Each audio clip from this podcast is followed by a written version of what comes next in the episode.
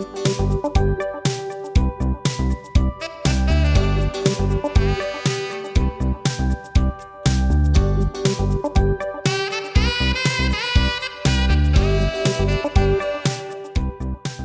welkom bij Door de Bijbel, een programma van Transworld Radio. Met dit programma nemen we jou in vijf jaar tijd mee door de ganse Bijbel. Tof dat u weer luistert naar Door de Bijbel. We zitten vandaag aan uitzending 561 en lezen uit het Bijbelboek Job. De vorige keer hebben we kennis gemaakt met Sofar, de derde vriend die Job wel eens zal vertellen waarom hij zoveel moet lijden. Hij begint ermee om Jobs woorden in twijfel te trekken. Sofar heeft totaal geen medelijden. Als Job heeft verteld hoe moeilijk hij het heeft en dat hij God niet begrijpt, verwijt Sofar hem dat hij spot met God. Sofar is meedogenloos in zijn conclusie over Job. Zijn vriend moet wel gezondigd hebben en krijgt nu met de straf van God te maken. En eigenlijk, als je het aan Sofar vraagt, is die straf nog aan de milde kant. Sofar is een man van dogma's, die denkt exact te weten hoe het zit. Maar met al zijn waarheden kent hij het hart van de Heere God niet. Hij mist elke vorm van genade. Job is diep teleurgesteld in zijn vrienden, en terecht. Als het leven heel zwaar is, heb je iemand nodig die naast je staat en met je meeleidt. Woorden en verklaringen helpen dan niets. Want zoals Job zegt, wat jullie zeggen, dat kan ik zelf ook wel bedenken. In Hebreeën lezen we hoe de Heer Jezus met lijden omgaat. Hij kan meevoelen met onze zwakheden, omdat hij zelf ook verzocht is geweest. Daarom mogen wij altijd naar zijn troon gaan om hulp, genade en barmhartigheid te krijgen. Dat is wat de Heer Jezus geeft in antwoord op lijden: hulp en barmhartigheid. Hij komt naast ons staan. Hij loopt mee door dat donkere dal. Dat voorbeeld mogen we volgen als we mensen ontmoeten die het heel moeilijk hebben. Dat helpt mensen, want zelfs al zouden we het waarom kunnen uitleggen, dan verandert dat het lijden niet. Met iemand meegaan en medelijden biedt wel troost.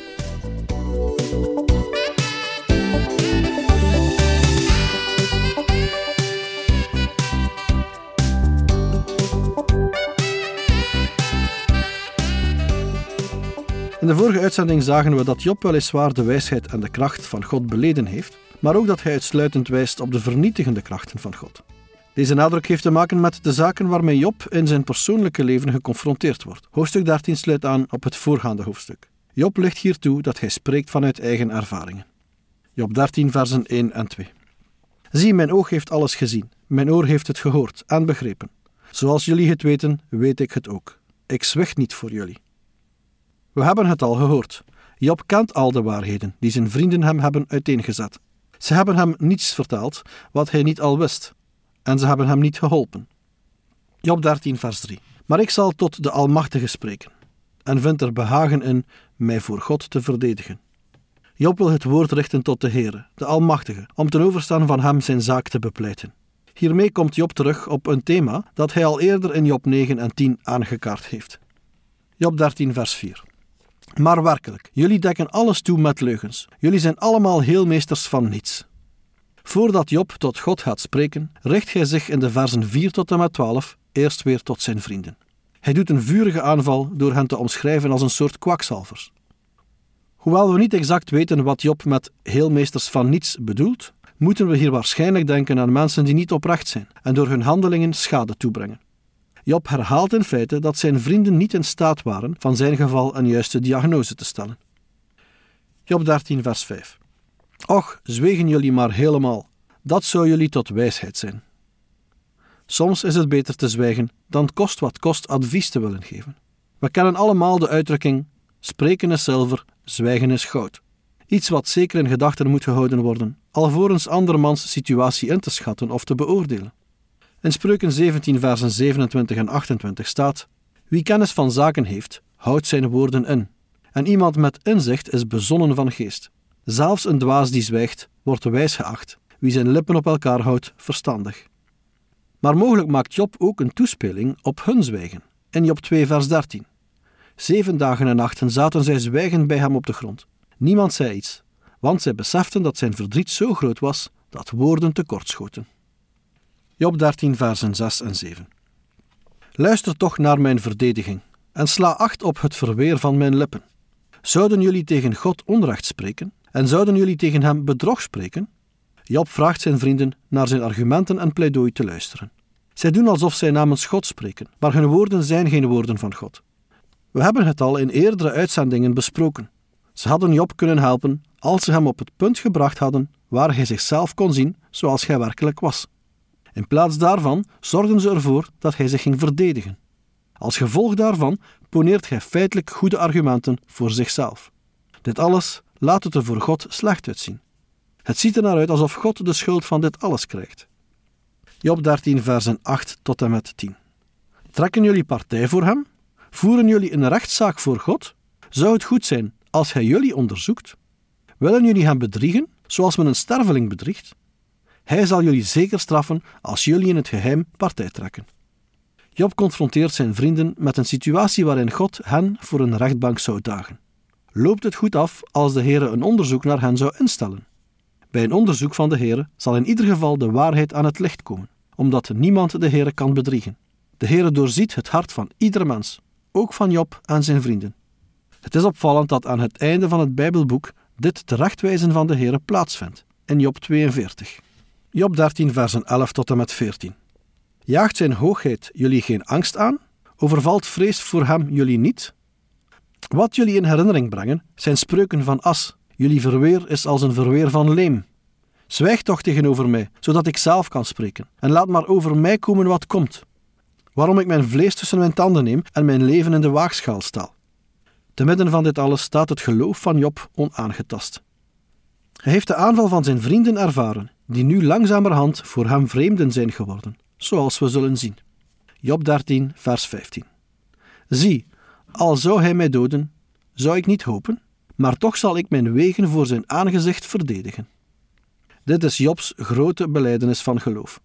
Jobs vrienden beschuldigden hem van een grove geheime zonde, zoals onzedelijkheid of oneerlijkheid, of een andere zonde van het vlees. Job is niet schuldig aan iets dergelijks.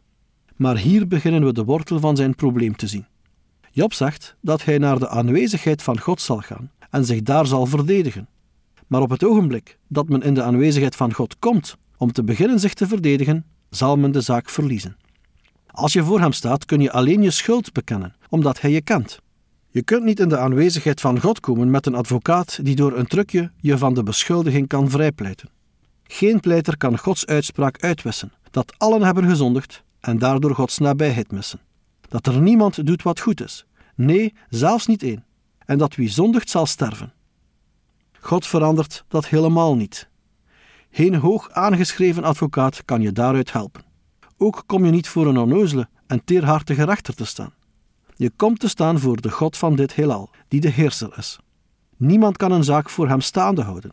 Wat je moet doen, is naar binnen gaan en schuld bekennen en jezelf op de genade van het Hof beroepen. Christus betaalde de prijs voor je zonde. Dat is de enige manier om aan de straf te ontkomen.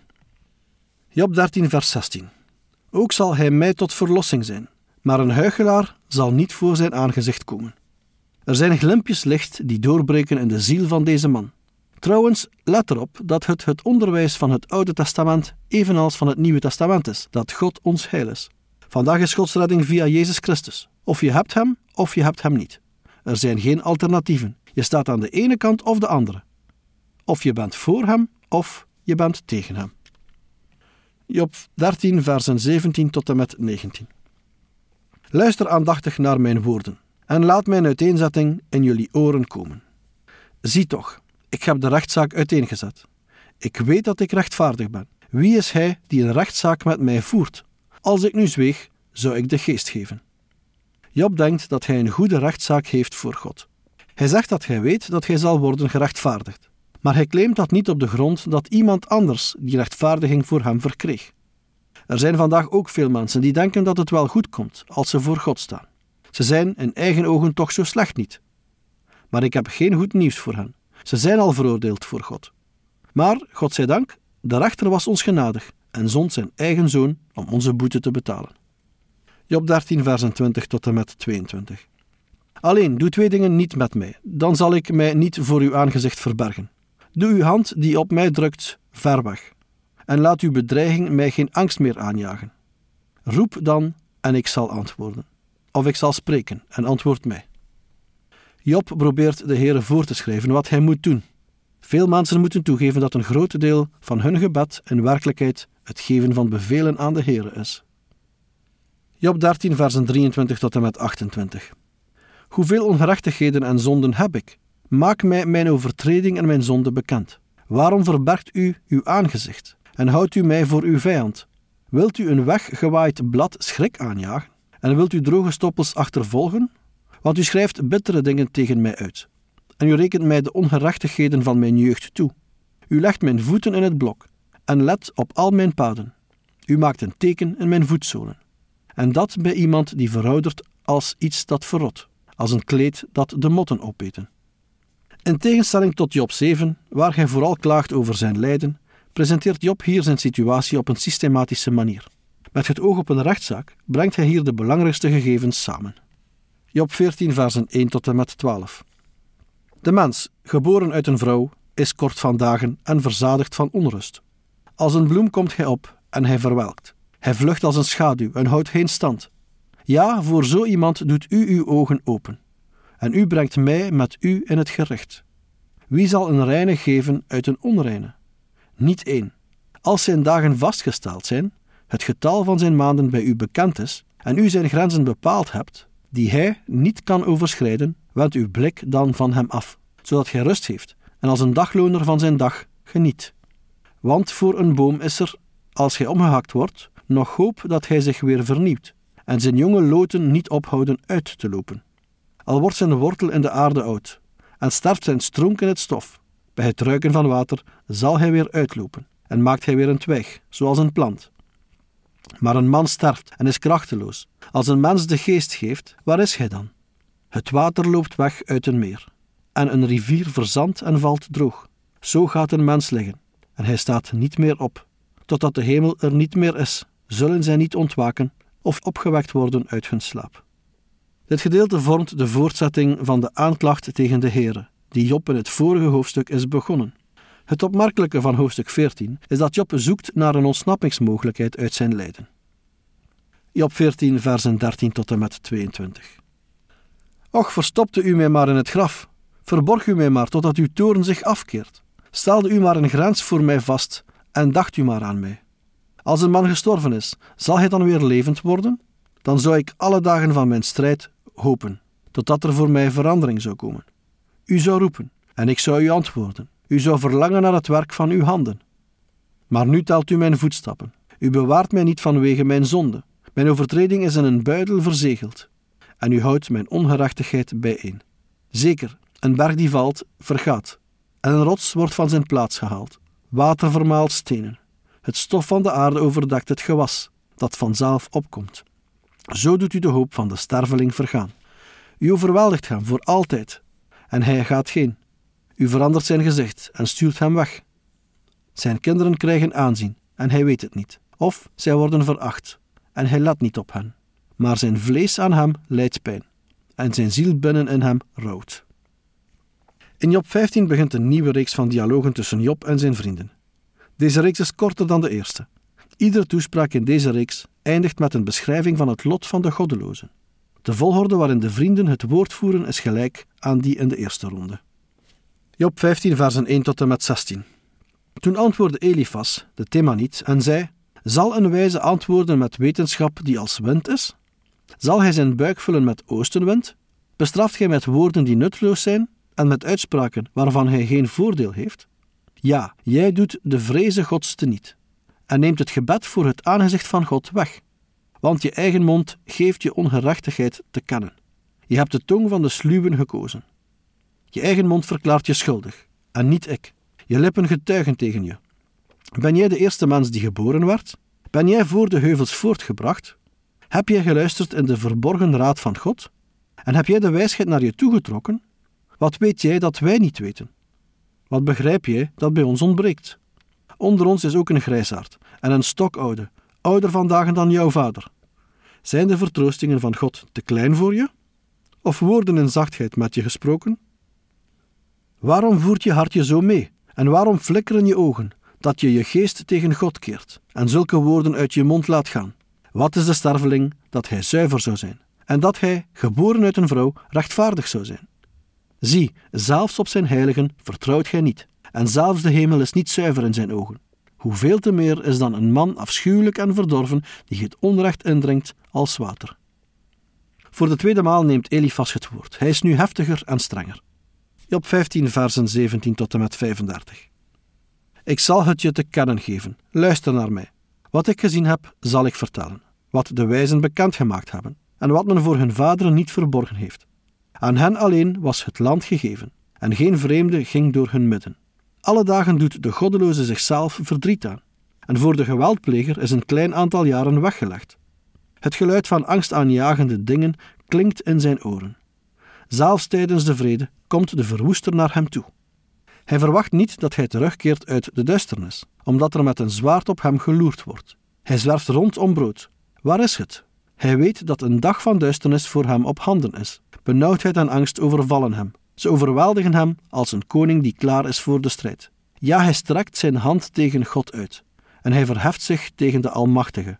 Hij rent op hem af met opgeheven nek, met de dikke knoppen van zijn schilden vooruit. Want hij heeft zijn gezicht bedekt met zijn vet, en hij heeft een vetlaag op zijn lendenen gedaan. Hij bewoont verwoeste steden, huizen waarin niemand meer woont, bestemd om een puinhoop te worden. Hij zal niet rijk worden, zijn vermogen houdt geen stand, en hun bezit breidt zich niet uit over de aarde. Hij kan de duisternis niet ontwijken. Een vlam verdroogt zijn jonge lood. Hij gaat weg door de adem van Gods mond. Laat gij niet vertrouwen op iets wat nutteloos is, waardoor hij misleid wordt. Want iets nutteloos zal hij als vergelding krijgen. Terwijl het zijn sterfdag nog niet is, zal die vervuld worden, en zijn palmtak zal niet groen worden. Hij zal zijn onrijpe druiven afstoten als een wijnstok, en zijn bloesem afwerpen als een olijfboom. Ja, de gemeenschap van de huichelaars is onvruchtbaar, en het vuur verteert de tenten van hen die geschenken aannemen. Zij zijn zwanger van moeite en baren onheil, en hun buik brengt bedrog voort. De woorden van Elifas moeten hard zijn aangekomen bij Job, die al zijn kinderen was kwijtgeraakt, omdat Elifas de oorzaak van deze ellende aan Job toeschrijft.